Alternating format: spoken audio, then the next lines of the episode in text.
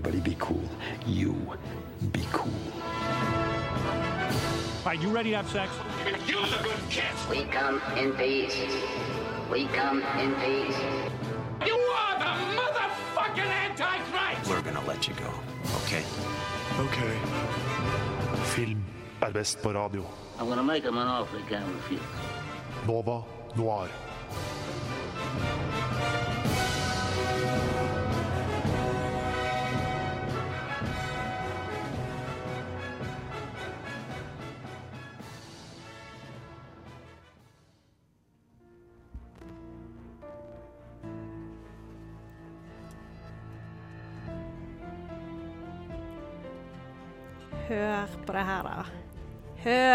Er tilbake! Westworld er tilbake! Og ikke nok med det. Denne uken, eller i går faktisk, hadde Avengers Infinity War-premiere. Ja, hør her. For frysninger. Ja, shit, ass. Hør. Men det er altså det vi skal snakke om Ja. på Innova Noir i dag. Mm. Og jeg heter Hanne Marie Nord, og i studio har vi også Kim Sverre Hilton. Ina Sletten. og vår kjære tekniker Ulrikke Svenne. Altså, disse deilige lydene her, er ikke det, er ikke digg? Veldig. Jeg gleder meg så lenge. Mm. Det har vært en bra uke. Det har det. det har det. Det er en litt sånn eh, nerdete, nerdete uke. Ja, deilig. Ah, og ikke nok med det, vi, har, altså, vi skal gjennom ganske så mye i dag. Mm. Eh, vi skal jo selvfølgelig anmelde den nye Avengers-filmen. Vi skal snakke masse om Westworld. Vi skal få en anmeldelse av eh, I Love Dogs. Eh, og Ina, du skal fortelle oss litt om arabiske filmdager. Ja, for det var jeg på den helgen. Åh, spennende. Mm. Men eh, før vi kjører i gang, eh, hva, hva annet enn dette har dere sett på i det siste? Har nei, Westworld? Ja, hvis du har sett på noe annet, da. uh, Lite grann. Uh, jeg har fortsatt på den nye sesongen av Silicon Valley. Um, og så ser jeg fortsatt på Atlanta. Og Avengers også, selvsagt. Men det, det er det. Ja. Jeg, har falt ned i et sånn uh, Jeg har aldri sett på The Office. Uh, av en eller annen dum grunn, fordi jeg har blitt helt sånn frelst. Da. Så jeg sitter jo egentlig bare og ser på The Office. Sånn, og jeg tror jeg har blitt altfor emosjonelt investert, fordi her om dagen, så det var klokken tre om natten eller noe, satt jeg og så sesongfinalen av sesong to, og så satt jeg og gråt. og dette er en humorserie. Ja, altså, jeg har, ikke, jeg har sett en episode her og der, men jeg har ikke sett på det sjøl. Jeg ser ikke for meg at det er sånt man griner av. Veldig rørende. Ja, det er fint. Altså, jeg har jo bare sett hele sesong én av Westworld på nytt. Ja. Eh, eh, av ulike grunner på telefonen min. Så liksom sånn bakfull, ligge i sengen og liksom sånn i fosterstilling og se på Westworld på telefonen og liksom What a time to be alive. Ja, ikke sant? Men det er jo en ganske eksistensiell serie, da. Så det, er, eh, det. Det er mye å snakke om. Ja. litt, eh, litt intenst. Det var jo snakk om det forrige uke også, det med robotikk og Ja, kunstig intelligens. Mm. Så hvis man vil mer inn i det, så eh, anbefaler jeg å høre på forrige ukes episode. Den ligger som podkast. Ja. Um, for i dag skal vi, vi skal snakke om den nye episoden i sesong to, selvfølgelig. Og her kommer litt Avengers i bakgrunnen igjen. Altså, jeg får gåsehud med en gang, jeg. Mm. Som vi selvfølgelig skal snakke masse om. Men jeg tenker vi kjører i gang med en låt, så da skal vi høre Verdensrommet og Erik Aas med 'Problem'. Det var Verdensrommet og Eirik Aas med 'Problem', en sang jeg virkelig digger. Og nå, dere, nå skal vi inn i Westworld ja, Vi skal inn i Westworld, rett og slett. Nå skulle jeg si Westworld-verden, men det ble jo teit. Uh, jeg bare tenkte jeg skulle høre med dere hva forhold dere hadde til uh, sesong én. Fordi at uh, vi snakket litt om det i redaksjonen, og det var noen som brukte litt tid på å komme seg inn i det, og ikke var helt overbevist Mm. av de liksom første episodene. Jeg syns den var veldig treg til å begynne med. Så jeg, jeg elska sesong én, men det var egentlig fordi jeg elska andre halvdel av sesong én veldig mye.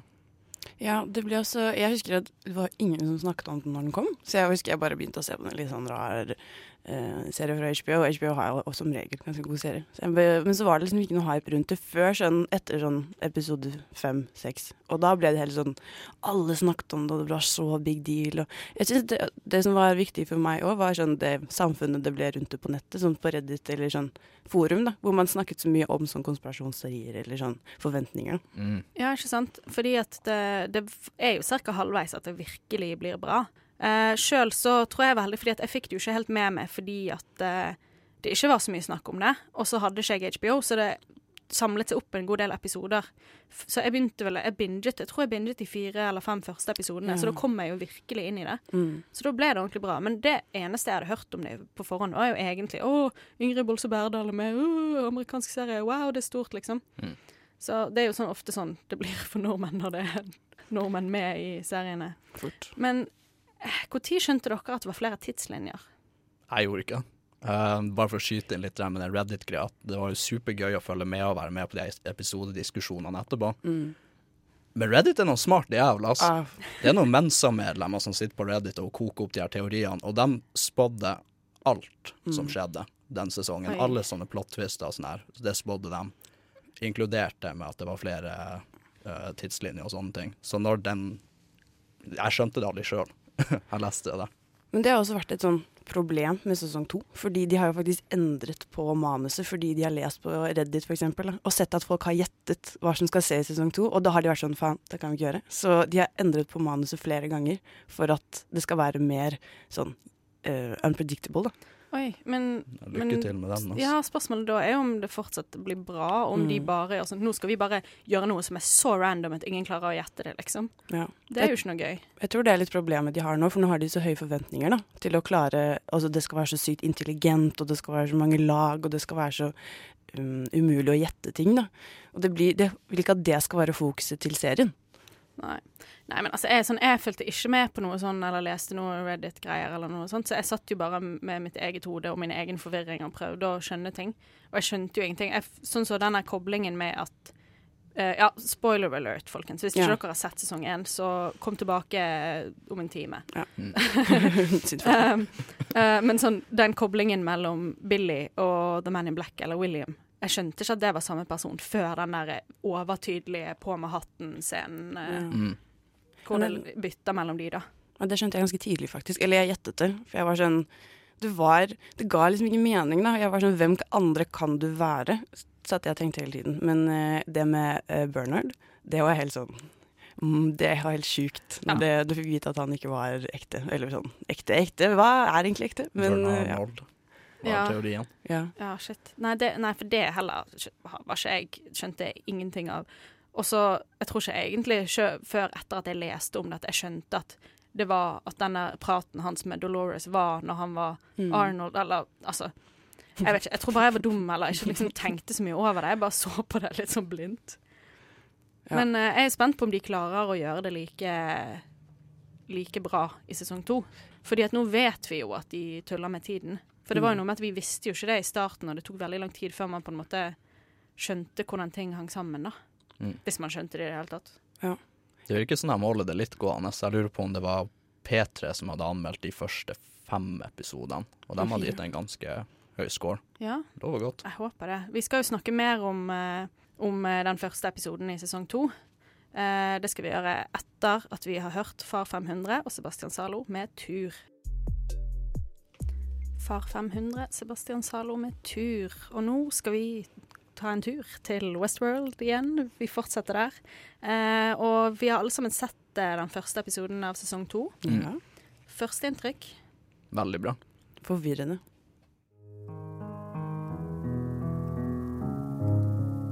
Did you ever stop to wonder about your actions?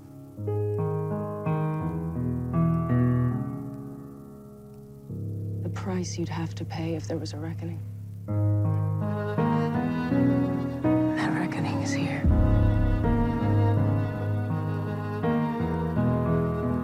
This point, the stakes were never real.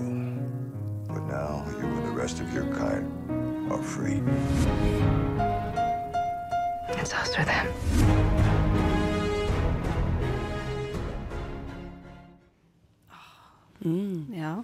jeg syns, eh, jeg syns bare for å kommentere det med en gang, den uh, låtbruken deres, det er mye kult, altså. Det er veldig gøy. Ja. Eh, og så tror jeg vi bare må si at eh, folk skal passe seg. Spoiler, spoiler. For hvis ikke dere har sett denne episoden enda, så eh, Og ikke vil ha spoilers, så kom tilbake seinere. sånn er det bare. ah, OK. Den starten, altså. Ja. Det er jo det Jeg tror mitt sånt problem, sånn som vi snakket om i forrige, før eh, låta, var at det virker jo som at de prøver å prakke på med flere tidslinjer og mer sånn Hva skjedde nå? Er det egentlig Hva, hva, hva skjer når? Hvem, er dette i fortid eller fremtid? Det syns jeg var egentlig mitt største sånn problem med den første episoden. Ikke det er noe av det første som skjer, at Bernard bare spør seg sjøl er det her nåtida.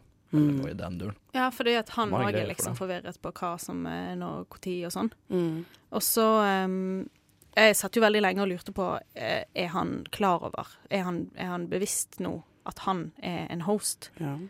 Ehm, og det òg leker de jo litt med, på en måte. Gir noen hint til at han vet det, og noen hint til at ikke han vet det. Jeg har lest litt, og jeg har funnet ut Nå er det veldig mye teorier her, men at det finnes flere Arnold.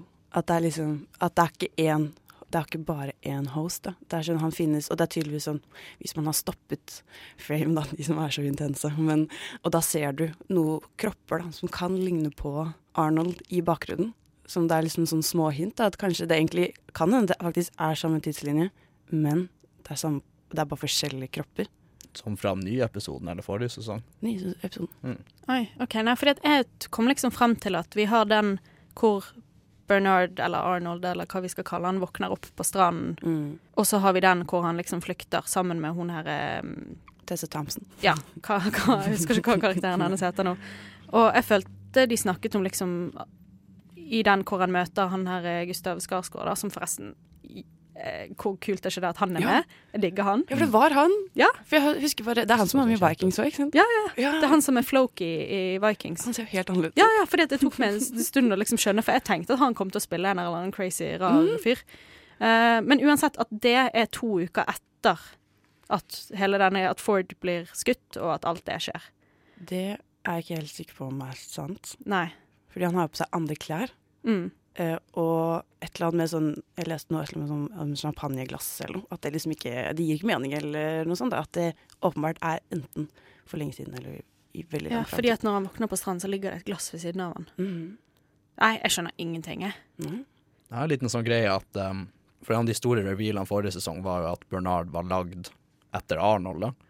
Mm. Uh, men hvis Bernard liksom er en sånn bevisst robot, og at han kan begynne å tenke og på en måte utvikle en personlighet sjøl, og han er lagd helt etter Arnold, både fysisk og um, mentalt, da, fordi Ford sa at han lagde jo Bernard fordi menneskelige ingeniører ikke var gode nok til å hjelpe han å bygge den parken og de robotene.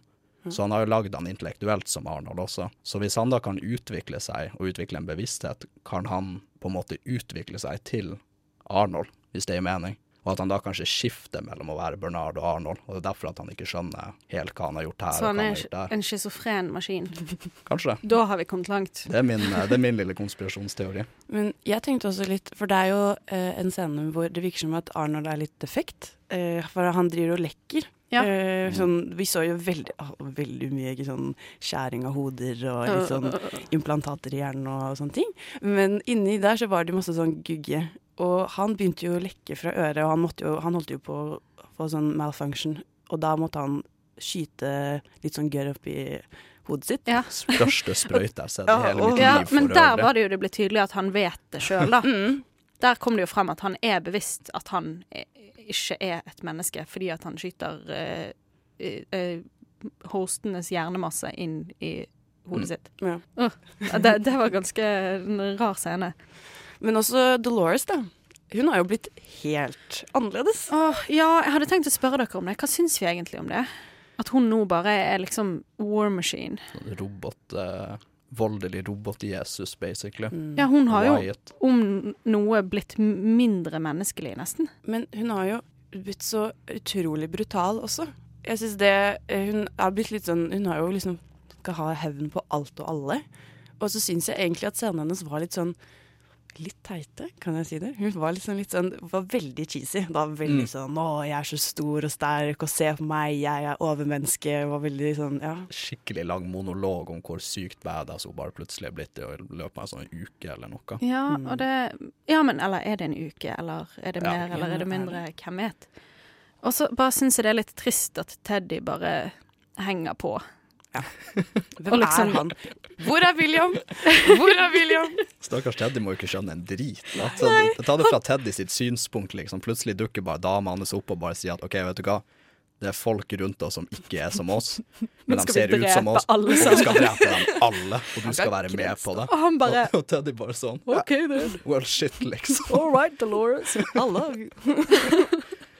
Åh, men altså, fordi jeg var veldig glad i Teddy, og jeg syns de var veldig søte og, og, og sånn, og det hele det der at han hans greie er hele tiden at uansett hvor mange ganger han blir drept og sånn, så skal han finne Dolores og redde hun og sånn. Men bare, det gir jo ikke mening at han fortsatt er så Nei. Hun trenger jo ikke reddes Eller kanskje hun trenger å reddes fra seg sjøl. Kanskje det er det som skjer til slutt, når Fordi Teddy virker jo som en av de litt mindre utviklede maskinene. Hvis han plutselig får en sånn awakening, Ja. at han klarer å liksom stoppe henne, eller altså Nei, Han virker litt evneverk, egentlig. Han har liksom ikke klart å liksom si sånn Du, du kanskje vi ikke skal henge sånn alle? eller bare sånn Kanskje vi skal, bare skal komme oss bort herfra? Eller et eller Ja, sånn. han prøver jo litt sånn Vi trenger bare en liten, et lite hjørne av denne verden. Og hun bare Nei, Vi skal hele verden. vi skal ta deres Vi skal verden. begge verdener. Ja. Jeg tenkte at etterpå skal vi diskutere litt mer hva side vi er på i denne, denne krigen, eller hva vi skal kalle det. Men uh, altså, hvor mye tror dere er programmert i Dolores, og hvor mye tror dere er bevissthet? Har Ford eller Arnold eller noen liksom programmert henne til å være denne drapsmaskinen? Det er jo Wyatt, da. Ja. Det er jo det. Vi vet jo ikke Mm. hva det Wyatt er, egentlig. Nei, Eh, fordi at det var jo Jeg ble forvirret av det fordi jeg trodde det var noe som hadde skjedd før også. Men så skjer det nå. Altså Men, ja. Det er det. Det er sånn, åh, jeg blir nesten litt irritert over det er så mye. Og det er sånn, jeg, jeg klarer ikke å forholde meg til noen ting, fordi jeg blir hele tiden sånn hengt opp i den Men er det egentlig nå, eller er det før? Eller sånne ting, da. Hvor vi surrer, altså. Ja. Nei, fordi at jeg syns det er litt spennende på en måte om det er mennesker som har programmert hun til å liksom drepe alle menneskene. Fordi at det virker jo litt sånn. Hun har jo endret personlighet helt. Mm. Og så, men så er hun sånn Now I'm gonna play a different part. Me. Og sånn der, liksom. Så Så- dramatisk. Jeg Ja. synes de fremstiller henne litt som at hun liksom Hun har våkna helt opp og er bare blitt helt i ett med universet nå.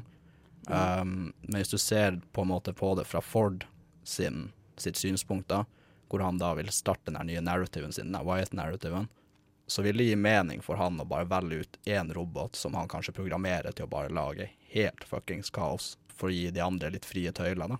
Det er jo eh, en teori, det òg. At han, det var han kiden med stokken. Alle tror jo at det er Ford. At Ford har eh, programmert seg inn i Ja, det vet vi kanskje. At han har programmert seg inn i det barnet. Ja, det er han som Ja. barn. Det, det skal være Ja. han som barn, ja. Men det er også en teori om at Ford er, har programmert seg inn i Arnold. At egentlig så er en av Arnoldene, da, hvem Ja. av de der, er Ford. At han har også satt seg inn i Fordi, ja. Men hva tenker dere om det? Ja, nei, for jeg hadde tenkt å spørre dere om dere tror at den eh, Ford som ble skutt, ikke egentlig er Ford, men bare en host som ser ut som Nei. Ford. Nei, det er fysiske Ford. De viste likene, så så, så, de, så du liksom sånne her eh, maggoter, eller hva jeg skal si, som Ja. kravla inn i Ja. hullene. i Ja, men hva hvis han bare har lagd en jævlig lifelike uh, host, bare for å liksom overbevise folk? Fordi at uh, jeg mener og har hørt at, uh, de liksom, at noen har spurt eh, en, en av manusforfatterne eller noe sånt, og så sa han at det var definitivt én Ford, ja, eller liksom at, at det fins flere Ford også.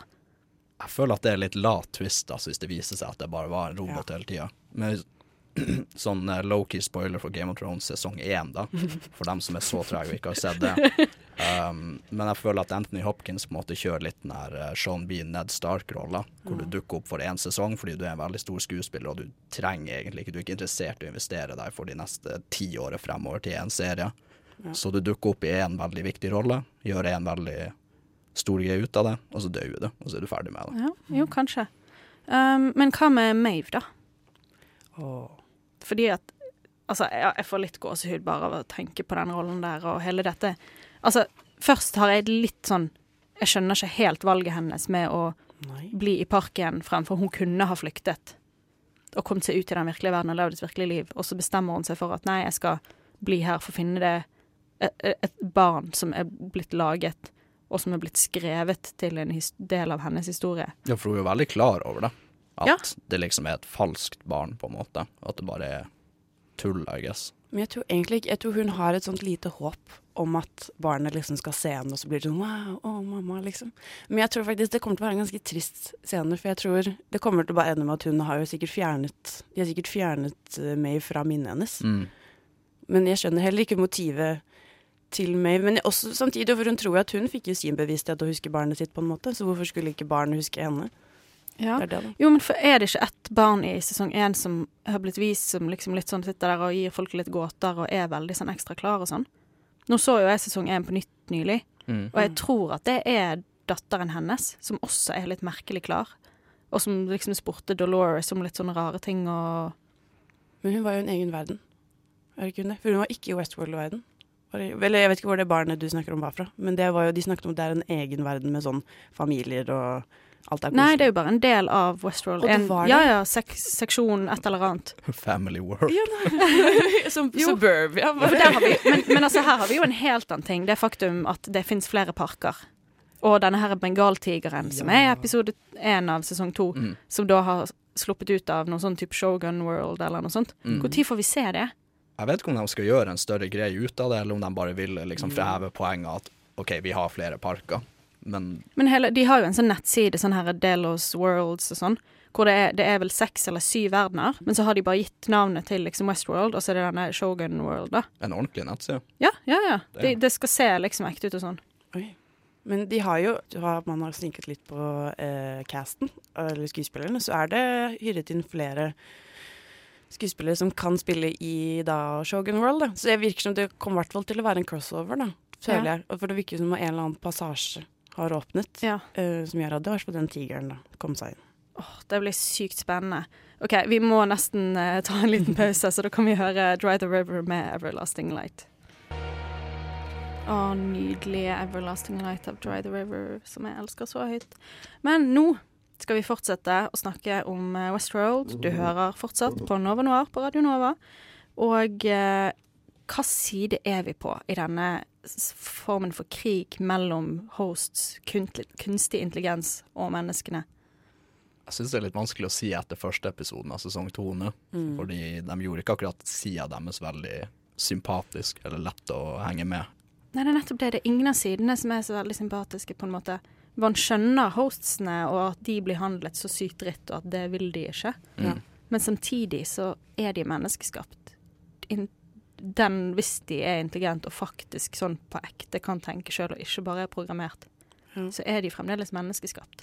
Jeg er jo jeg er, ikke, jeg er på rob Altså, jeg skjønner jo ja, Det er samme som deg, at jeg sympatiserer med robotene. Fordi de har jo blitt eh, altså, misbrukt på en forferdelig måte. Men jeg heier jo ikke på Dolores og Mave. Eller sånn, Jeg heier på Mave på en måte, for hun vil bare finne datteren sin, eller Koto, eller sånn hermetegn eh, Ja. Men eh, det er Jeg syns det Så jeg kan heie på robotene som et sånn generelt begrep, men ikke på de vi ser akkurat nå.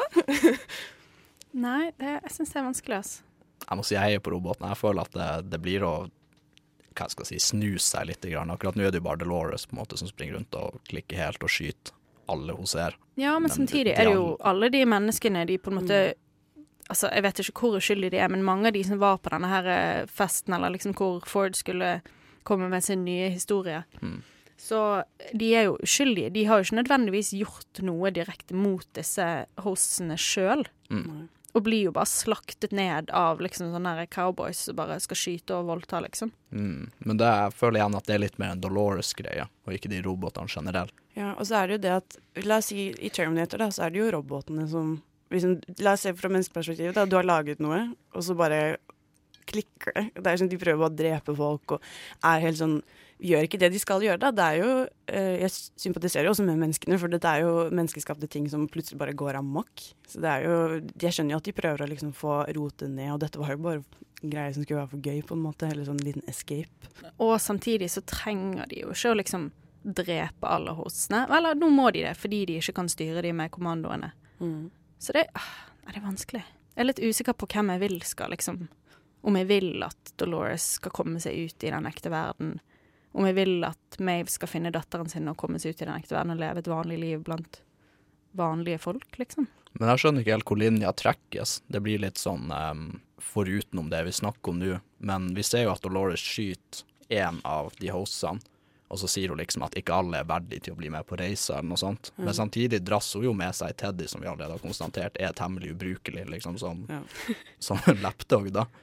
Og jeg skjønner egentlig ikke liksom, hvor er skillet mellom Hvorfor dreper hun robotene? Hvorfor dreper hun vertene, på en måte? Hva de har gjort?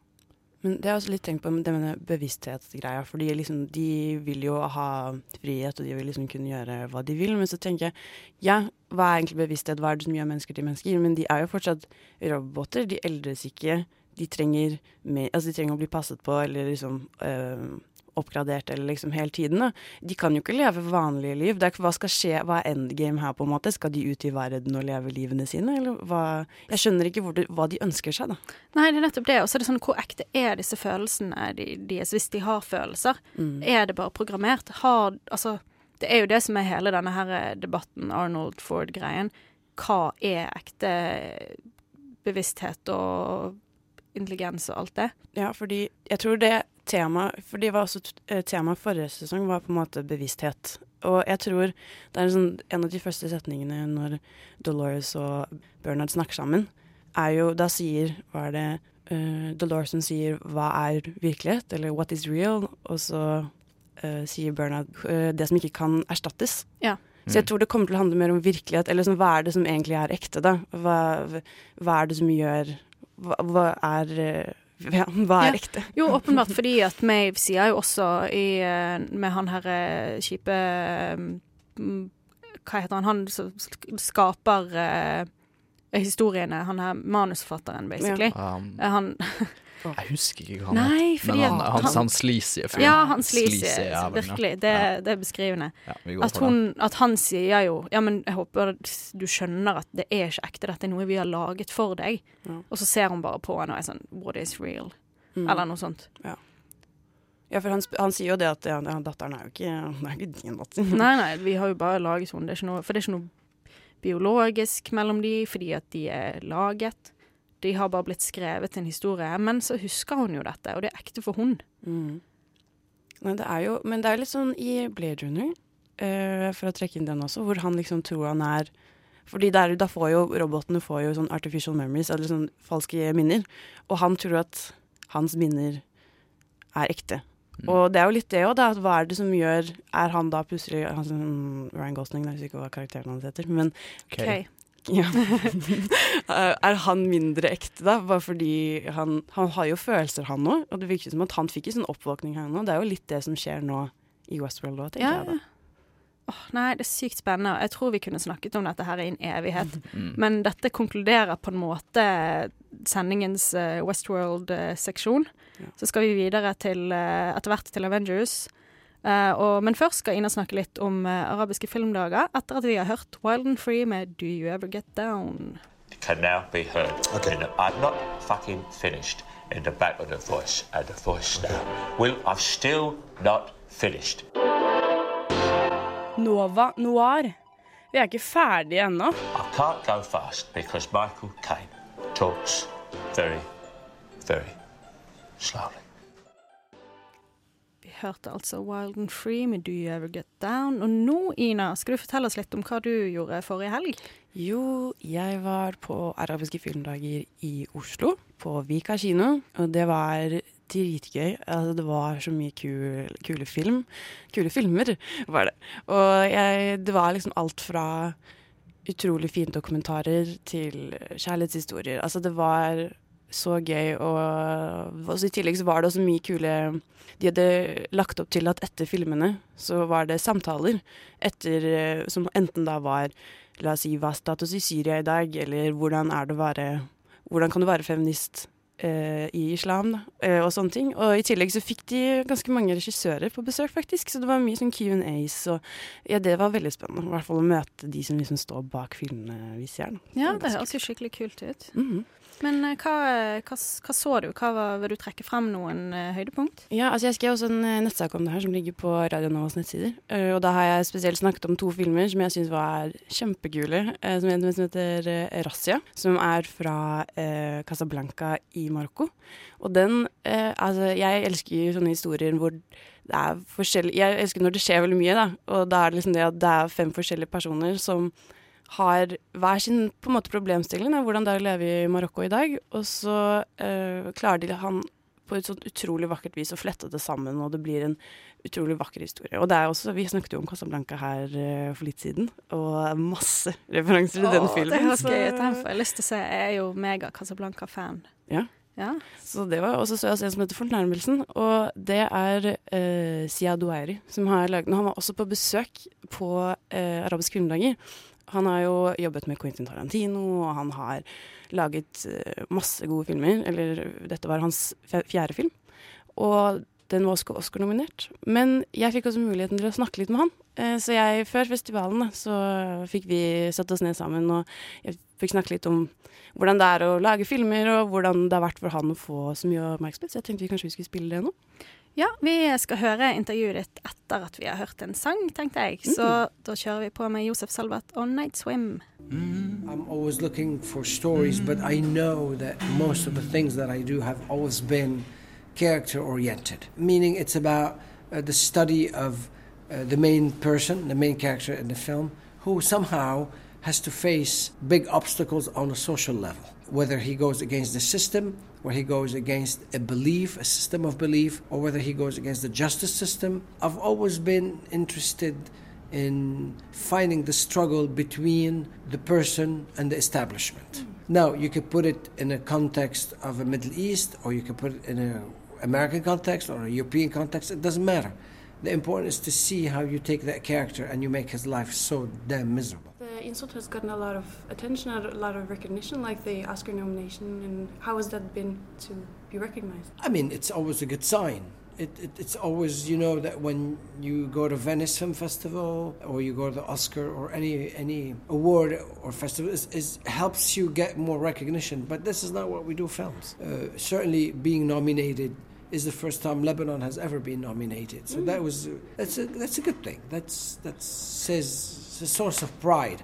It's like going to the Olympics and a world soccer game. You know, you feel you're proud of your team. Yeah. And I was glad because I work with people who really work hard, who really believe in this project. Hmm. And to see it reap some benefit at the end of the strip, it's great reward because so many films get made and a lot of those movies they don't see the light of day. You mentioned before that uh, you thrive on making uncomfortable stories or telling them what's so important about telling these uncomfortable stories. I, I I don't set out to do uncomfortable stories. You don't, as a director writer, you don't say, ah, today I want to do, you know, difficult stories. No. It becomes artificial. I don't say it's difficult or not difficult. I don't. I just like to say what goes on in my mind. I like to talk about what concerns me personally. That's why mo- most of the things I do is very autobiographical. It reflects either situation that I live or a belief that I hold on to. But uh, do I set out to make difficult movies? No. And my films are not that difficult. I mean, there are films who are mu- much more difficult to make, and they get a lot more attack than I do. I do get attacked from time to time, but that's part of the world. And about the being attacked, how has it been people reacting in such a way, a different way to the things you make? The attack was banned in the Arab world. You mm. know, the, the, there's a group called the BDS who have mounted a very vicious campaign against the film just because I shot it at Israel, and they are very anti-Israelis. So you always have mixed reactions. Yeah, th- not mixed. There are people who like absolutely root for the film and people who attack the movie. Most of the people who have been attacking the movie, whether the attack or the insult, have not even seen it. But because it's a very, you know, because I went to Israel, it created a lot of problems a few years ago, and people are still not over that. What kind of movies did you grow up with? I watched a lot of American movies. Uh, during the war, there used to be a lot of films that used to come from Hollywood, also from Europe, and uh, uh, but all kind of movies, not just big Hollywood films. There was some, you know, trashy films. There's some Italian erotic films we used to get. Italian in the 70s did a lot of erotic movies, cheap, but we used to see them, and we used to get some French movies, just like everybody in every place in the world. But I've seen a lot of movies during the war because we used to it was the only form of entertainment cinema. It's the only thing that Lebanon offered at that time. There was no like go hiking and tray walking or go. You either go to the beach in the summer or you go watch a movie during the war. And watching a movie during the war was always so interesting because it's a place to hide. You know, you go into the movie theater and then you wouldn't worry about it. So we saw a lot of movies. That was the the thing to do. You have also written a few episodes for TV shows. So wondering, would you ever consider making a TV show instead of a movie sometime? I love direct uh, uh, because directing series is good because you don't have all the responsibility. You just concentrate. It gives me a break from making a feature film because a feature film you invest so much in it.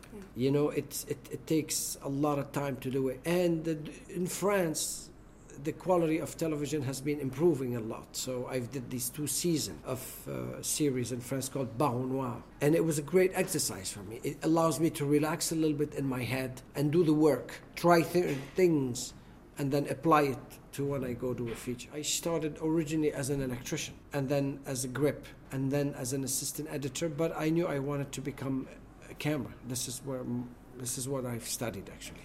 I wanted to become a director of photography. So in Hollywood, in order to become a director of photography, you may have to go up step by step. Yeah. You start as an assistant, then a first assistant, then a camera operator, then a director of photography. So I've done the assistant camera work for such a long time with the aim of becoming a director of photography. Then I changed my mind Mm. after 10 years and I decided to write and direct. What was the, the change? What made you? I just felt that I had stories to tell. I've just felt that I've learned so much the craft of camera work that I needed to move on. So I became a writer director. You have a lot of strong female characters, and I was wondering. Uh, I always have strong feeling. Yeah.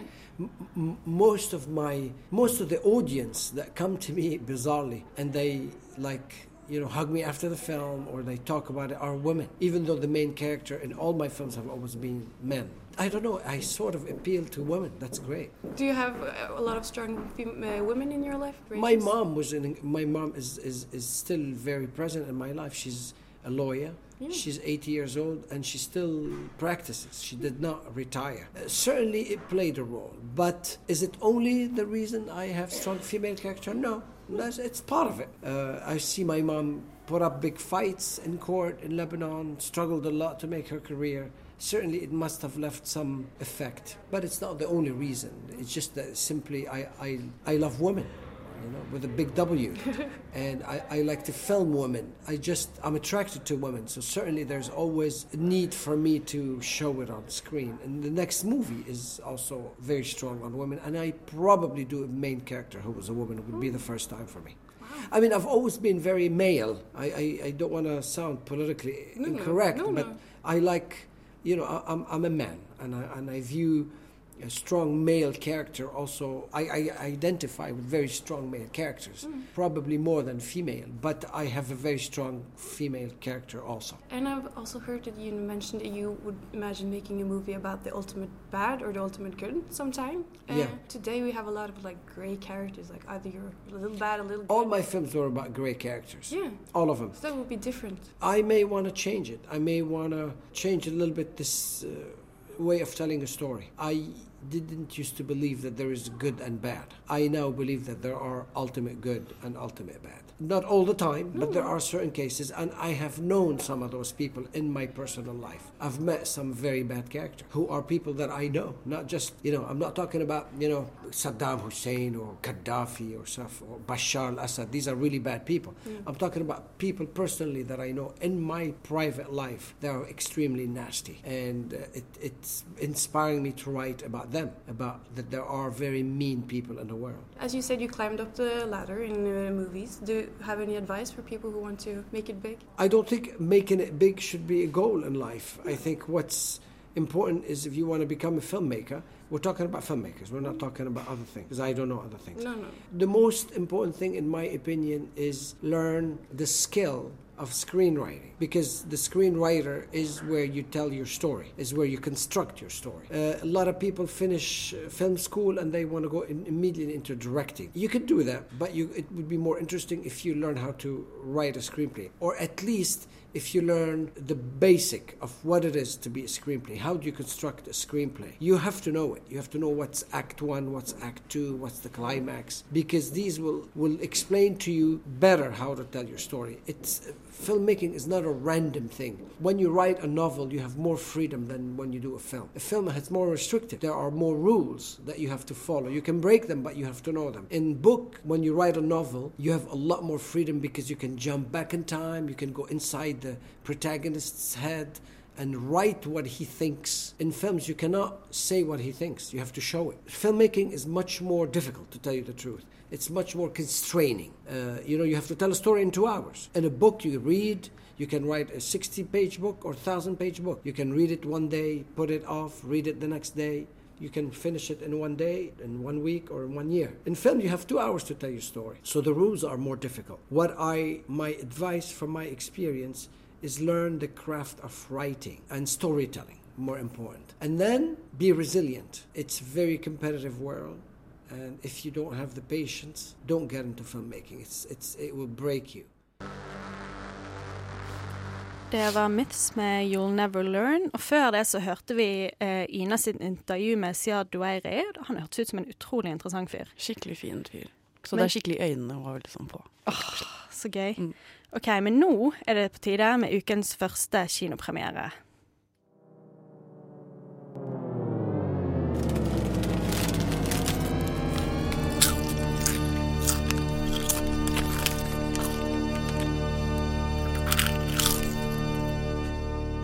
Ukas kinopremierer.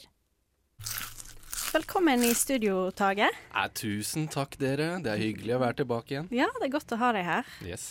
Ja, du har sett Isle of Dogs. Isle of Dogs, yes, det har jeg sett. Det er en animasjonsfilm av mesteren eh, Wes Anderson. Jeg er veldig fan. Er dere Absolutt. Wes Ja. Anderson-fanboy? fanboy eller fangirl? Det er bra å høre. Uh, elsker filmen hans. Uh, Isle of Dogs, i den filmen så er handlingen satt i en 20 år i fremtiden i en fiksjonell japansk by som heter Megasaki. Mm. Og det er plutselig overpopulasjon av hunder. Og eh, når en sånn hundeinfluensa bryter løs, så bestemmer borgermesteren Kobayashi seg for at alle hunder skal sendes på karantene på en sånn søppeløy ute på havet. Og det er da handlingen starter. You're Rex. You're King. You're Duke. You're Boss. I'm Chief. We're a pack of scary, indestructible alpha dogs. Spotze, Spotze. We get the idea. You're looking for your lost dog spots. Does anybody know him? No, no. Uh-uh. I've lost all of my pride. Spots, if he's alive, may very well be living, even at this moment, as a captive prisoner. Somebody is up to something. Will you help him? Yes, og der hørte vi jo at uh, altså, ha- handlingens måte, heart and soul drives av en gutt som heter Atari, som uh, har blitt foreldreløs. Og så har han hatt en sånn trofast hund uh, som heter Spots, og den en, av- er en av de hundene som blir sendt til en uh, søppeløya når alle hunder skal eh, sendes vekk. Og han bestemmer seg for å dra dit og finne Spots, og da møter han en sånn flokk med hunder, og, som er spilt av ja, veldig mange kjente skuespillere. Jeg skal komme til det. Og de på en måte sammen bestemmer seg for at de skal hjelpe han med å finne spots. da. Og eh, de spilles jo av annet Bill Murray, Edward Norton og eh, Bryan Cranston, og, som er på en måte den eh, man kan si, hovedhunden. Han er en sånn eh, alfahund som har vært en sånn løshund når han levde på en måte i, i den byen. Og de andre er veldig vant til å ha eier og sånne ting. Og så plutselig kom et menneske til øya. Så blir det veldig sånn eh, morsom dynamikk. For at selv en animasjonsfilm så er det ikke en barnefilm. De kan ikke snakke med hverandre, men de kan liksom på en måte forstå han, for at de har liksom erfaring med mennesker tidligere. Mens Bryan Cranston sin eh, karakter, som heter Chief, han er veldig sånn 'Jeg vil ikke høre på mennesker', og 'jeg er løshund, jeg biter', og er veldig sånn. Så det er veldig, Ja, det er veldig morsomt, fordi at uh, de oppfører seg som hunder, men når de snakker med hverandre, så er det akkurat sånn de er veldig sånn menneskelige. Så det er veldig morsom den der eh, dynamikken med liksom menneskehund og hundene seg imellom. Eh, det som jeg syns er så utrolig bra med denne filmen, er håndverket. Det er jo en animasjonsfilm. Det er et type stop motion. For de som har sett Fantastic Mr. Fox, som han Wes Anderson også har laget, Veldig fin. kjempebra. så er det veldig den samme stilen. Mens nå så føler jeg at han har på en måte tatt all erfaring fra den filmen og bare perfeksjonert det, det håndverket til så de grader. Det er liksom Når jeg så filmen, så ville jeg bare stoppe Jeg ville sette den på pause hele tiden, for det var så mye å bare ta inn. Er sånn masse japansk estetikk, både i sånn uh, gammeldags sånn type sånne water paintings, og sånn moderne ting med liksom veldig sånn uh, moderne skrift og plakater og sånn futuristiske bygninger, og alle sånn type ting.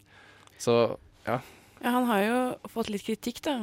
Litt det med at han har liksom bare adoptert eh, den japanske kulturen.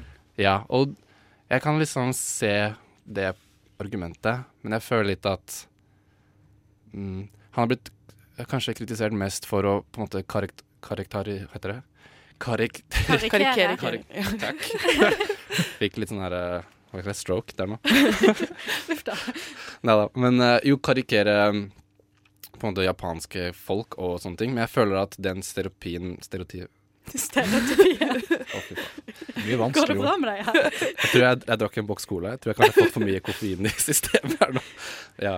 At, men det er sånn typisk sånn karakter som denne borgermesteren Kobi er så veldig sånn der, Snakker veldig sånn. Og det er på en måte Man kan tenke sånn «Ah, That's racist, men samtidig så er jo det Japan selv som har skapt en stereo... Jeg klarer ikke å si det. Bare pek på meg når du trenger et ord. Assist me, please. Med fra japanske animer opp gjennom tidene. Så jeg føler på en måte at ja, man kan si at han eh, bare tar japansk kultur og bruker det for uh, holdt på å si face value, men samtidig så føler jeg at det ikke gjør noe for han eh, Det syns jeg, da. Men det er jo på en måte ikke vi, holdt på å si vestlige hvite folk, som kan på en måte si noe imot det, da. Så det argumentet ser jeg helt, men på meg personlig så plagde det ikke meg når jeg så filmen. Men er ikke det også en del kjente japanske skuespillere som har stemmene til Jo, noen av karakterene? For mest kjente er vel kanskje Ken Watanabe, som har jo spilt i veldig mange vestlige filmer. Blant annet ja, ja, ja. Mm, Inception. Inception, ja. Og uh, mange eh, Christopher Nolan-filmer. Så han er jo med, og det er jo på en måte Jeg tenker at hvis såpass store folk har lyst til å være med i filmen, så er det litt sånn De aksepterer den. De aksepterer det, da, Mm. føler jeg. Men gjør det noe med filmen, annet enn at det bare er kult at det er veldig mange kjente skuespillere som har stemmer? Altså japanske, eller? Ja, og de, an altså de andre vestlige eller amerikanske skuespillerne.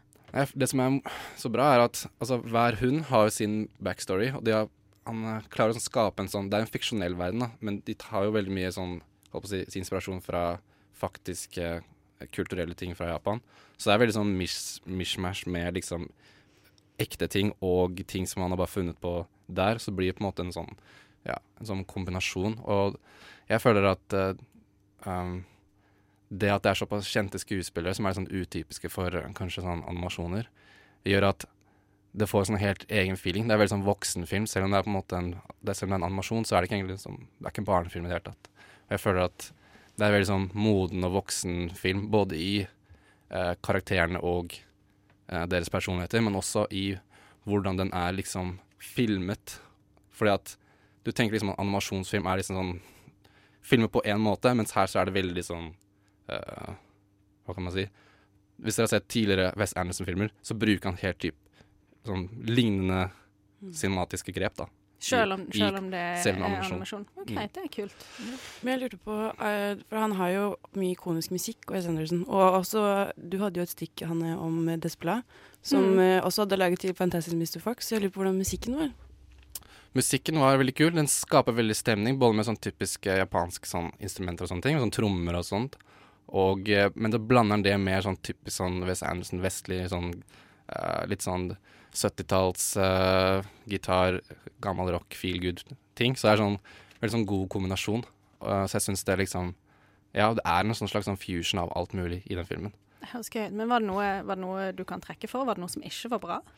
Jeg syns at uh, For Greta Gurvik er med i filmen. Hun har stemmen til en som heter Tracy. For at hennes på en måte sidehistorie i filmen er at prøve å sånn finne ut For hun føler at det er noen sånn konspirasjon på gang med han borgermesteren. Det er et eller annet som er fishy med han. Så hun, hennes eh, på en måte side story er at å prøve å løse opp i hva det greiene er. Og jeg følte at Og det er liksom helt separat fra det som skjer på øya. Og jeg følte at den All tiden som gikk til henne, ikke var så spennende. Og det det på en måte endte opp med, liksom paid ikke helt da. Så jeg syns at all hennes uh, screentime ikke var så spennende. Pluss at en ting som han også har gjort, som er kanskje litt kjip for noen, men jeg syns det passa, var at De fleste japanske karakterene snakker jo japansk. Eller alle gjør det, men nesten aldri så blir de oversatt. Så det blir sånn at man ikke helt forstår hva de sier, da. For eksempel Atari snakker japansk hele tiden, og han er med hundene, og de, holdt på å si, de forstår ikke han for han er menneske, men vi forstår han heller ikke. Jeg tror det var det som var liksom tanken bak, da, at vi som publikum skal ikke forstå han gutten fordi at vi liksom ser det fra okay, hundens perspektiv. ja, for, så vi Så engelsk er hundespråket, på en måte. Mm. Interessant. Og eh, jeg syns også at eh, det som du brakte opp inn, at han tar jo på en måte Sånn som han har gjort med andre filmer, sånn The Darjeeling uh, Limited, hvor det er i India. Han på en måte bare tar Hva kan man si? Han bare tar indisk eh, eller en annen kultur da, og gjør det til sitt eget. Som man kan på en måte er kritikkverdig hvis man på en måte syns det ikke er greit. da.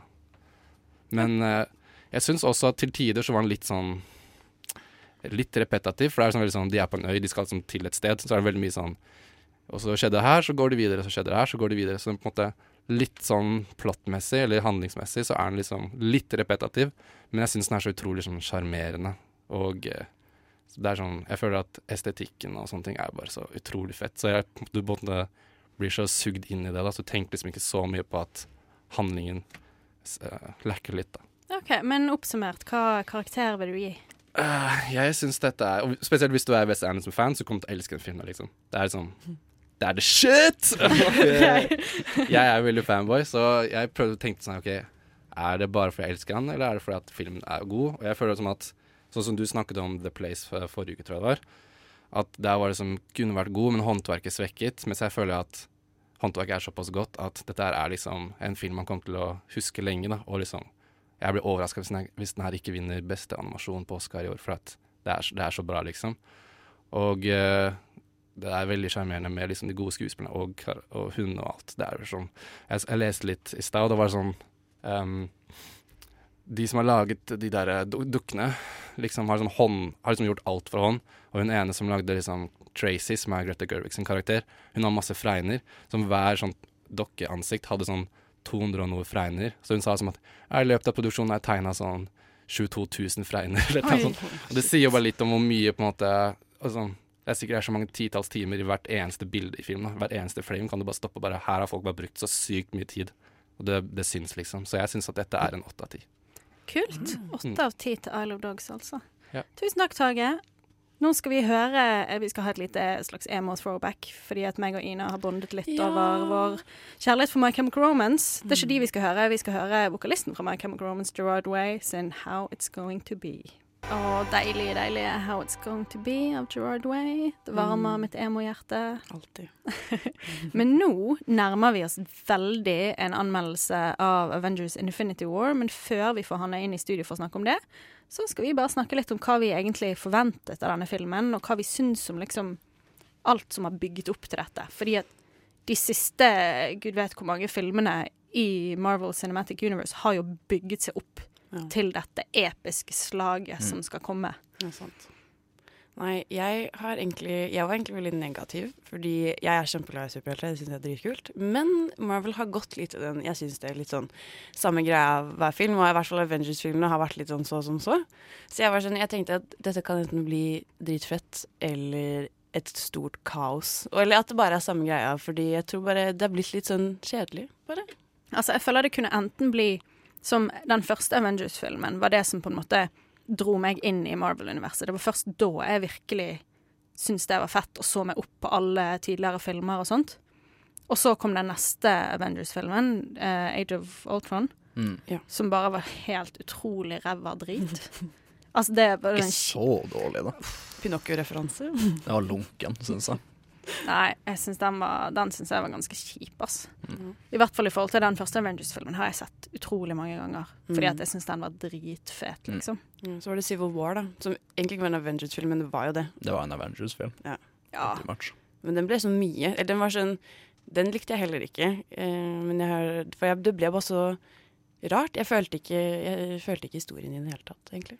Nei, men så har vi jo sånn som Black Panther, som Mm. var skikkelig bra, syns jeg. Den likte jeg kjempegodt. Og der har vi jo en god del ting som bygger opp til Altså, vi hadde Fordi at Black Panther vokste jo liksom ut av Civil War. Ja. Og så nå er jo det på en måte inkludert i Altså, dette er litt vanskelig. Alle i studio her har allerede sett Avengers, eh, den nye. Så vi skal prøve å ikke spoile det for noen, fordi at premieren var jo i går. Så jeg går ut ifra at det er ikke så mange andre enn oss som er så ihuga, som har fått det med seg ennå. Men, eh, men Kim, jeg forstår det sånn at du hadde ganske store forventninger. Det var um, Forventningene mine var veldig avhengig av en ting, så jeg har en liten sånn mini-rant forberedt for det, egentlig. Ja, Um, men kjør på. For er at når, når Marvel og hvordan enn andre studio så fant ut at de skulle liksom lage et cinematisk univers uten sidestykke i filmhistorien, så vidt jeg vet om, når det kommer til hvor mange filmer Vi har liksom 36 filmer nå, eller 20 eller noe. Det er ekstremt mange. Jeg overdrev kanskje litt der. Um, men for at det da skal gå, så må de ha stor tro på at det kommer til å gå. For det er en enorm investering for dem pengemessig og ressursmessig og alt mulig. Så først Iron Man-filmen kommer ut, og de har den Marvel-formelen da, som de vil teste ut og se om det funker. Og hvis den funker, og den funker for neste film og neste film og neste film, uh, så er det det sporet de kjører i, da. Fordi det er Hvis du på en måte har likt tidligere Marvel-filmer, så er du nesten garantert å ikke hate, i hvert fall, Mm. de neste Marvel-filmene. Kommer, enten kommer du til å elske dem eller like dem, eller bare sånn eit eller litt grann dårlig, men du hater dem aldri fordi det er fortsatt en Marvel-film. Uh, så det går litt grann det på det Ina sa om at de blir litt repetitive, de blir litt sånn forutsigbare. da. Um, men nå, når vi på en måte kommer til konklusjonen, da, når vi kommer til de siste filmene som de har bygd alt opp til, så har jeg litt lyst til å se at de tar noen sjanser, at de prøver liksom å bryte litt fra det, at de um, Hva skal jeg si Ja, rett og slett gjør noe som overrasker meg, som sjokkerer meg litt, for kanskje første gang noensinne i de her filmene sin historie. Og vi så jo litt det med Thor Ragnarok. Thor. Thor. Veldig norsk. Uh, Thor Ragnarok, hvor de på en måte ansatte en uh, regissør, Taika Wa- Taika Waititi. Takk. Tusen hjertelig. Uh, som hadde bakgrunn innenfor komedie da, og fikk ta den filmen i en veldig sånn komisk, um, komisk retning, da. Uh, som var veldig utradisjonell for de Thor-filmene. Og i tillegg til det så har jo Black Panther, da, hvor de berørte litt mer sånn alvorlige um, sosiale problemer som faktisk finnes i dag, sånn i, blant afroamerikanere og uh, den slags. Så vi ser at de er i stand til å ta sjanser når de på en måte lar så jeg lar dem gjøre det, da, når de gir seg sjøl spillerom til det. Så um, ja, forventningene mine til denne filmen Jeg vil bli overraska. Jeg har litt lyst til å bli sjokkert for en gangs skyld. Og det er egentlig det. Men det du sier med det at uh, Sånn som at de bruker ikke humor da, i Thor, er at jeg syns at det som er litt kult med Marvel eller superheltfilmer generelt, er at vi har kommet så langt, det har kommet så mange superheltfilmer, at nå kan man lage litt mer sjangerfilmer òg. At ikke superheltfilmer bare er masse Bare action, liksom. Ja, Mm. absolutt. Og at det bare er sånn ja, eh, slåss om liv og død, og det er ære og alt sammen, men at man kan lage litt mer eh, forskjellige ting. Altså Sånn som eh, X-Men, for eksempel. Uh, de skal jo lage en skrekkfilm. Og det er også ganske kult, for det er å bare branche ut og gjøre litt sånn nye ting, da. Fordi superhelter er jo så mye, og du kan liksom bruke det til hva som helst, egentlig. Ja, og jeg vil jo si sånn at uh, Thor Ragnarok funket veldig bra i den forstand at Thor, eller Thor, eller hvordan enn vi vil si det, ble en utrolig mye bedre karakter, Mm. Mm. syns jeg. Fordi at han var så veldig karikert superhelt. Og veldig sånn karikert sånn der Litt sånn dum og bare vikingaktig og sånn. Men jeg syns at han ble en mye mer interessant og god karakter når han fikk litt humor og sånn. Mm. Hulken Eh, også ble ganske mye morsom i den filmen. Ja, Litt på mer noen- nyansert. Mm.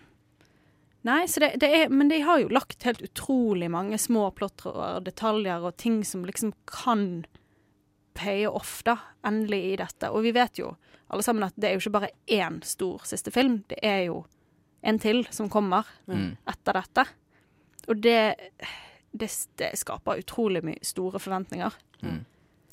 Men noe som jeg syns er litt interessant, som vi eh, har kranglet litt om i redaksjonen, eh, på bakgrunn av at vi at leste en annen anmeldelse av eh, filmen eh, altså, altså hvor eh, det gikk litt kritikk på at det var litt mye action, på en måte. Eller det var kanskje helt det kritikken gikk på, men at det var litt sånn Det var litt for intenst. Det ble litt for mye sånn bam, Mm. pow og Mm. eh, rett og slett slitsomme actionsegmenter, tror jeg det er kritikken var. Ja, og så gikk det på en måte i denne krangelen og gikk jo på en måte på hva det, det var mer på anmeldelsesperspektiv, da. Mm. Men det jeg tenkte, eller det som det kanskje vokste litt ut av, var jo det hva skal man forvente av en sånn film? Fordi at jeg forventet jo sinnssykt mye, masse action, kaos. Det er jo snakk om utrolig mange karakterer som skal inn her. Altså, vi har jo ikke nevnt Guardians of the Galaxy igjen da engang. Mhm. Som jo også på en måte Alle de karakterene skal plutselig møte For de har jo ikke blitt integrert i dette universet på samme måte. Annet enn gjennom eh, disse her Infinity Stonesene, da. Ja. Så jeg vet ikke. Jeg, jeg forventet jo kanskje m mer action enn Ja. det det faktisk var. Det er vel mange som er bekymra for at det er ekstremt mange karakterer å balansere, men meg personlig, jeg føler at de har klart det ganske bra. Det var på en måte det folk sa før den første Avengers-filmen kom ut, at å, det her blir jo bare helt rot og kaos. Du har en million helter som skal få screentime og alt mulig, men jeg Nå er det jo enda flere. Ja, men jeg syns så langt at de har håndtert det bra, så jeg har egentlig litt trua på at det kan gå bra, det. Men det er jo det med action. Altså, hvor nødvendig er det egentlig å se eh, 20-minuttersekvenser hvor folk bare slår på hverandre? Og det er det som har vært hvert mitt problem med Marvel før. Det har aldri vært Det er ikke noe gøy når det ikke er noe på spill. Da. Jeg er aldri Mm. redd for at Iron Man skal tape. Det er aldri sånn at jeg Mm. sitter og er sånn Å nei, nå, blir han, nå dør han kanskje, eller det skjer et eller annet. Aldri vært Så derfor syns jeg også de slåsskampscenene er litt sånn mm, unødvendige. Eller i hvert fall i har de så lange, da. For det er åpenbart all dette er jo bare folk som har masse superkrefter, og ja, de holder ut kjempelenge, men jeg skjønner ikke Og så vet du liksom at de gode vinner til slutt. Ja. Men det er jo kanskje det som er litt nå, at nå vet vi at nå kan det stå litt mer på spill. Det går Mm. rykter om at det er noen av karakterene som kommer til å dø. Det er mange som liksom Vi vet at skuespillerne sine kontrakter går ut, at ikke de skal lage flere individuelle filmer. Mm. Det, det er med en gang litt mer på spill, og det gjør det jo mer spennende. Uten at jeg har lest den, så mener jeg at den tegneserie-storyline, eller hva jeg skal kalle det, som Infinity War-filmene er basert på, uh, er veldig brutal og um, edgy, nesten sånn sett. Så uh, Ja. får vi håpe at de viderebringer det litt i filmene. Ja, vi vet jo, vi i studio vet jo hva som skjer, men vi skal ikke avsløre det. Eh, men uh, nå skal vi høre Priest med Lost Lions, og så får vi anmeldelsen etterpå.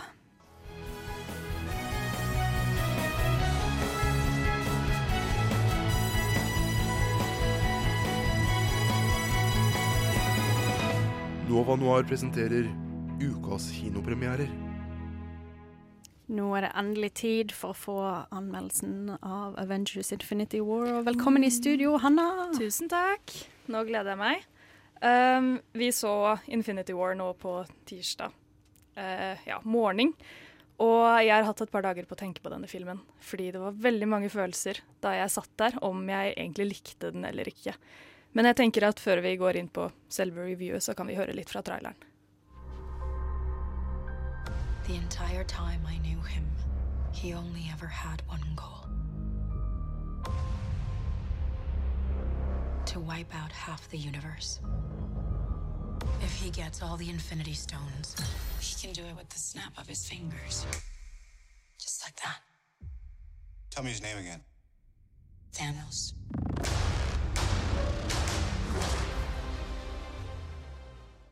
Ja, Infinity War, Marvel sitt nå til dags største prosjekt.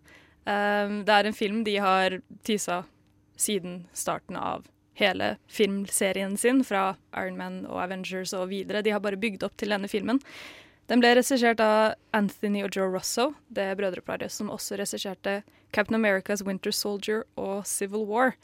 Um, jeg personlig er ikke sånn superglad i, uh, i Captain America og den stilen som de filmene hadde. Jeg hørte at jeg var litt enig med noen her inne i stad. Same, same, same. yes, og det er jeg veldig glad for, for jeg føler at jeg sto litt alene på den på starten. Um, og jeg ble litt skeptisk da jeg hørte at det var Anthony Joe Russo som skulle regissere den, fordi deres stil, måten de valgte å legge frem filmen i Captain America-seriene, var liksom ikke helt for meg. Så jeg var litt sånn Hvordan skal de klare å uh, ta alle disse karakterene fra hele universet og plassere de i én film som fremdeles hadde en grei rytme, og som ikke stoppet opp og ble forvirrende. Og jeg var veldig spent, da. Jeg ble ganske overrasket over at til tross for at de valgte å presentere film, filmen i ulike sånn timelines, så var det presentert semiryddig. Det var jo sånn at jeg satt jo og ventet på Oi, når er det vi skal få se dem igjen, liksom? Uh, så tok det ganske lang tid, og så hadde jeg glemt litt at en tidslinje skjedde, men så kom jeg liksom litt tilbake til det. Ja, for det er, vel, det er delt opp litt sånn at ulike karakterer har Mm. ulike på en måte prosjekter eller utfordringer de må løse, sant, som det hopper mellom. Ja.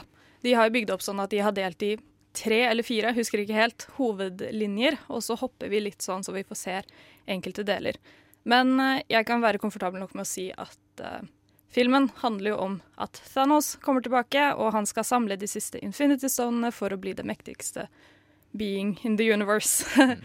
um, skal ikke si noe egentlig mer om hva som skjer i filmen, fordi det er Ja, vi kan ikke spoile. Kan ikke spoile, det er ikke lov.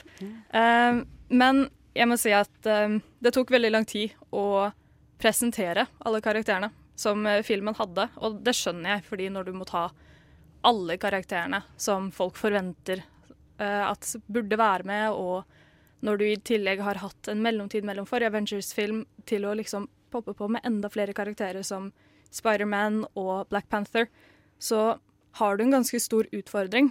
Um, og jeg merket at de hadde valgt at det var noen karakterer som var mer um, Som skulle være mer fokus på, da. Og andre var liksom kasta litt inn sånn Hei, husker du han? og så var det liksom sånn Wow, kult! For de som husker hvem disse karakterene var. Og så var det ferdig. Um, så det jeg satt og tenkte litt på, var hvor nødvendig var det å faktisk få med alle karakterene som var der. Det var jo noen som hadde elementer av eh, plottet fra de forrige filmene, men jeg satt liksom tenkte hvor nødvendig er det at alle disse skal være der, annet enn at en eller annen fan skal sitte der bare Å, oh, jeg husker hvem det er. Det er ti år siden vi så han, men jeg husker. Um, Jeg hadde bare et spørsmål, fordi uh, Black Panther fikk jo veldig mye god kritikk, uh, spesielt av deg, Hanna, for å ha en veldig sånn troverdig skurk. Eh, og det lurer jeg på klarer de å gjøre Thanos spennende? Eller? Altså, Thanos er jo en karakter som de faktisk har klart å gi empati. Til en eh, viss grad. Han, jo, han har en veldig syk bakhistorie, og måten han blir presentert med at han faktisk har menneskelige elementer ved seg, da, er utrolig spennende. Så han blir en utrolig kul karakter. Men på samme tid så må du være godt kjent med universet på forhånd, eller så er du lost.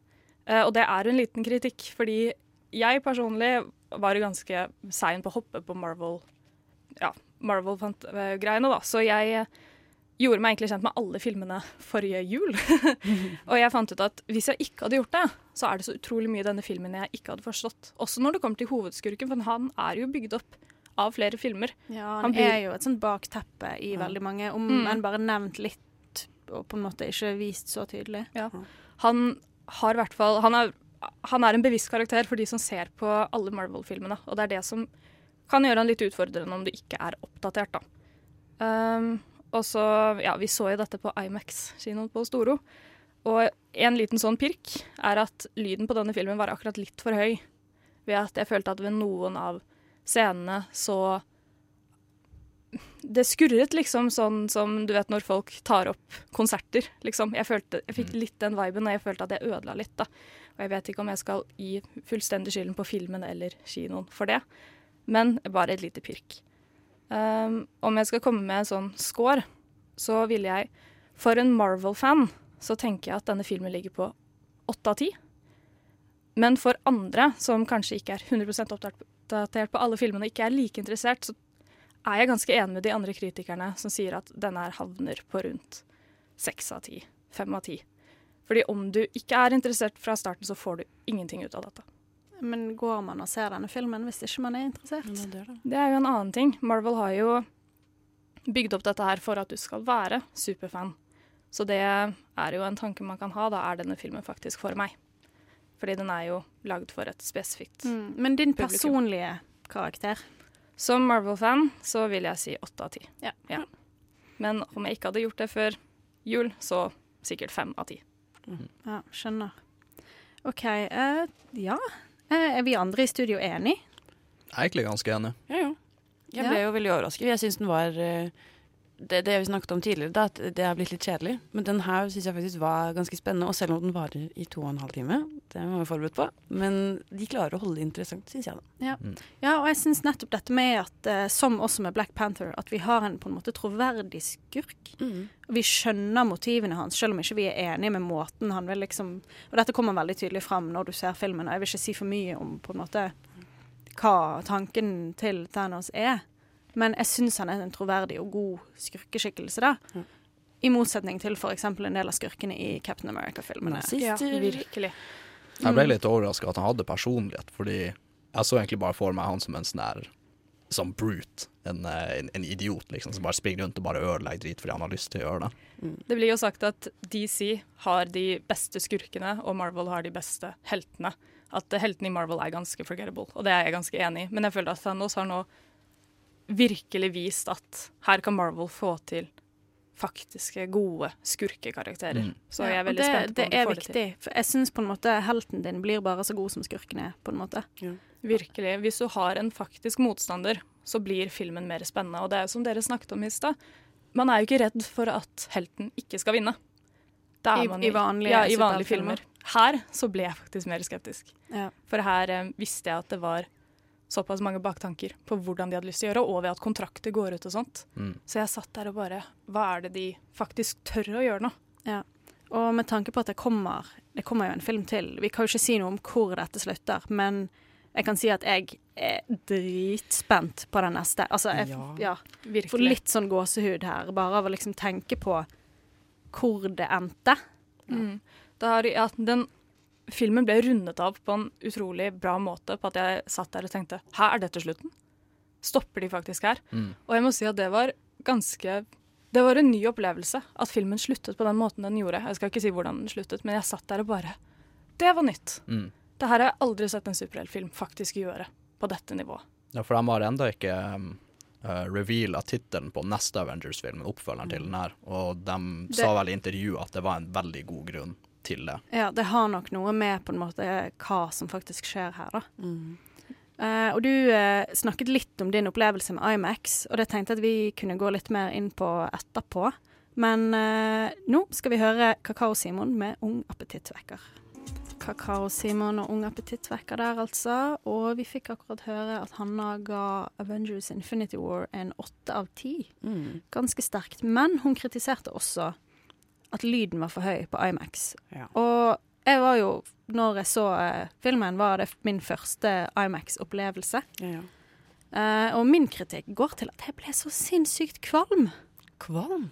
Jeg, altså, ja, fordi at det er 3D, og det har ikke jeg sett på mange år. Fordi at jeg, jeg er en sånn som får vondt i hodet av å se 3D-ting. Og jeg syns liksom Ja, jeg syns det er litt oppskrytt, kjedelig. Liksom, hva er poenget? Så jeg var litt spent på det. Men altså, jeg satt og bare, bare før filmen begynte, så var det en liten sånn intro-greie der de telte ned fra ti, og det var masse sånne tall som snurret rundt på skjermen og greier. Og da måtte jeg liksom bare nærmest holde meg fast, altså. Og satt liksom Den første halvtimen til timen av filmen ble litt ødelagt av meg for, for meg, fordi jeg måtte sitte og konsentrere meg om å ikke tenke på hvor kvalm jeg var. Teksten ble veldig sånn dobbel for min del. Teksten i filmen, altså. Jeg vet ikke om det var noen andre som la merke Du hadde på deg brillene, ikke sant? På ja, fordi jeg husker det var en gang jeg lente meg litt feil, og da så jeg at det var dobbelt. Men ja, den driver jo Jeg sånn at den driver og det føles som den, den faller ut av fokus. At den liksom Ja, den blir litt dobbelt, Ja, men det det var er litt sånn avhengig av hva ellers som skjedde på skjermen, syns Ja. jeg. Det er sant. Ja. Nei, det var jo, og det var jo Vi satt jo eh, meg og Ina satt i disse her luksussetene midt i salen, Shit, så du kan lene bak, og det er, Det er varme i setene og sånn. Ja. Jeg glemte det helt. Jeg satt og frøs, og så glemte jeg at jeg kunne skru på setevarme. Men uansett, altså Ja, det er jo litt Det er jo en annerledes kinoopplevelse. Ja, jeg er litt usikker på om hvor, hvor verdt det er. Jeg tenker sånn For en film som Avengers, da, som er liksom, den er så storslått, den er liksom på en måte litt laget Eller si sånn Ready Player One, da, som er laget for 3D, eller laget for en stor skjerm, så er det kanskje verdt det, for da får du liksom den uh, the full experience. For det var jo litt det med Annihilation, den som vi har snakket litt om på sending tidligere, at den gikk jo rett på Netflix. Og det var krise for han som hadde laget den, fordi den var jo ment for kino for et stort lerret. Så jeg tenker sånn, Ja. hvis filmen er laget helt for Imax og 3D og hele pakka, så er det kanskje verdt det, da. For å få hele opplevelsen. Og hvis man er veldig hypa for filmen også. Mm. Ja, eh, jeg er jo uenig i at lyden var for høy. Det syns ikke jeg var noe problem. Det syns jeg var stemningen, at du kjente bassen riste i kroppen liksom, når det var eksplosjoner og store ting som skjedde. Lyden var kanskje det jeg likte best med kinoen, egentlig.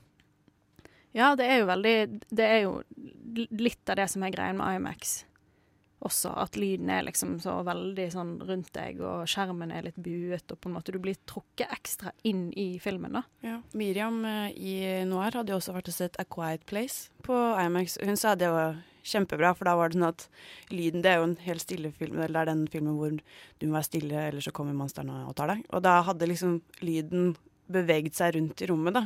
Akkurat sånn som eh, Jeg tror det var IMAX, hvis jeg ikke har helt feil. Men det er jo også ganske kult at man kan bruke det til det òg, da. At det ikke må være store eksplosjoner og mye som skjer, men at du får den ekle følelsen av at ting beveger på seg og ja. Ja. Jeg skal bare si at det er bare en liten anbefaling til uh, lytterne våre. Hvis eh, man skal se en kinofilm på IMAX, da, eller i hvert fall i denne salen, så vil jeg anbefale å sitte i den øvre tredelen av setene. For jeg satt veldig langt nede, og da ble det veldig sånn uh, Jeg måtte på en måte holde hodet mitt i ro, fordi det er et enormt lerret. Så hvis du ser litt for mye til venstre, så går du glipp av mye av det som skjer på høyresida, og omvendt. da. Så dersom det er mulig, prøv å sitte midten eller, lenge, eller lenger for langt bak. Litt for langt bak enn litt for langt fremme. Ja, det er generelt min preferanse på kino er å sitte så langt bak som mulig, nesten, eller midt i, da. Mm. Og det funket i hvert fall veldig bra sånn. Nei, det er, jo, det, er jo, det er jo fint at vi har fått muligheten til å gå på IMAX kino i Norge, men det er jo ikke for alle. Og for, for eksempel, jeg kommer ikke til å gjøre det ofte nettopp fordi at jeg ble så sinnssykt kvalm, og det var jo utrolig ubehagelig. Jeg, jeg satt og lurte på om kommer, jeg- kommer, jeg- hvis jeg hadde satt og vært like kvalm og svimmel hele filmen gjennom, hadde det jo blitt helt ødelagt for meg. Mm. Når det er sagt, hvis man på en måte tolererer det, så følte jeg at det var verdt det. Og som Ina sier, også hvis man er liksom hypa for en film som er lagd for det, så syns jeg det var Jeg synes opplevelsen var veldig verdt det. Ja. Nei, OK. Ja, men vi nærmer oss eh, slutten av dagens sending, men før vi er helt ferdig, skal vi høre Eldoradio og Youth Cult.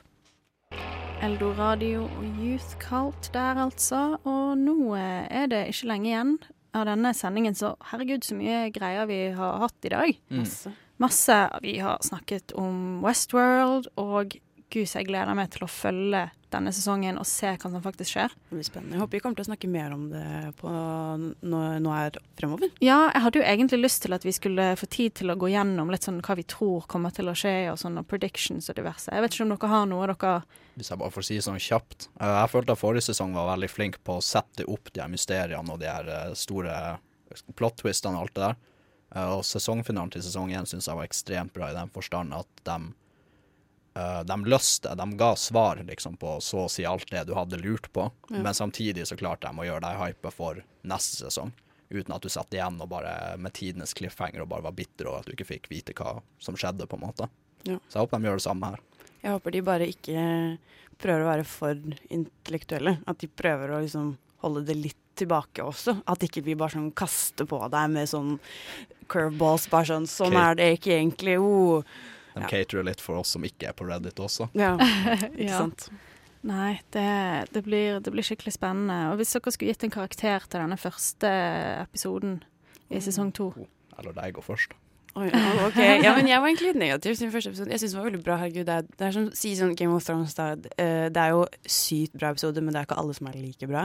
Og jeg syns denne bare prøver å etablere liksom hvor vi er nå, eller Ja. hvor vi ikke er nå. Så jeg vil si kanskje sånn seks av ti. Ja.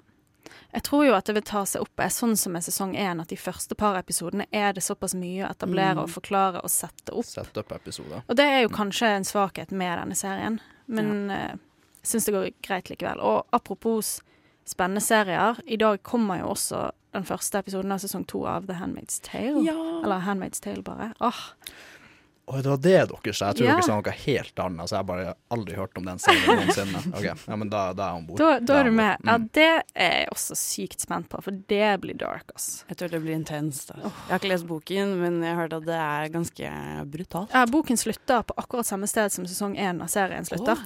men det er flere bøker? er ikke? Nei, Er det er ikke det. det er ikke det. Så derfor er det spennende å se hvor de tar det hen. Fordi Det det er fri uh, imagination, altså. Nei, det, det, blir, det blir spennende. Er det på HBO? Det er HBO, det også. Mm. Ja, det er bare å sjekke ut det også. Det, det blir spennende.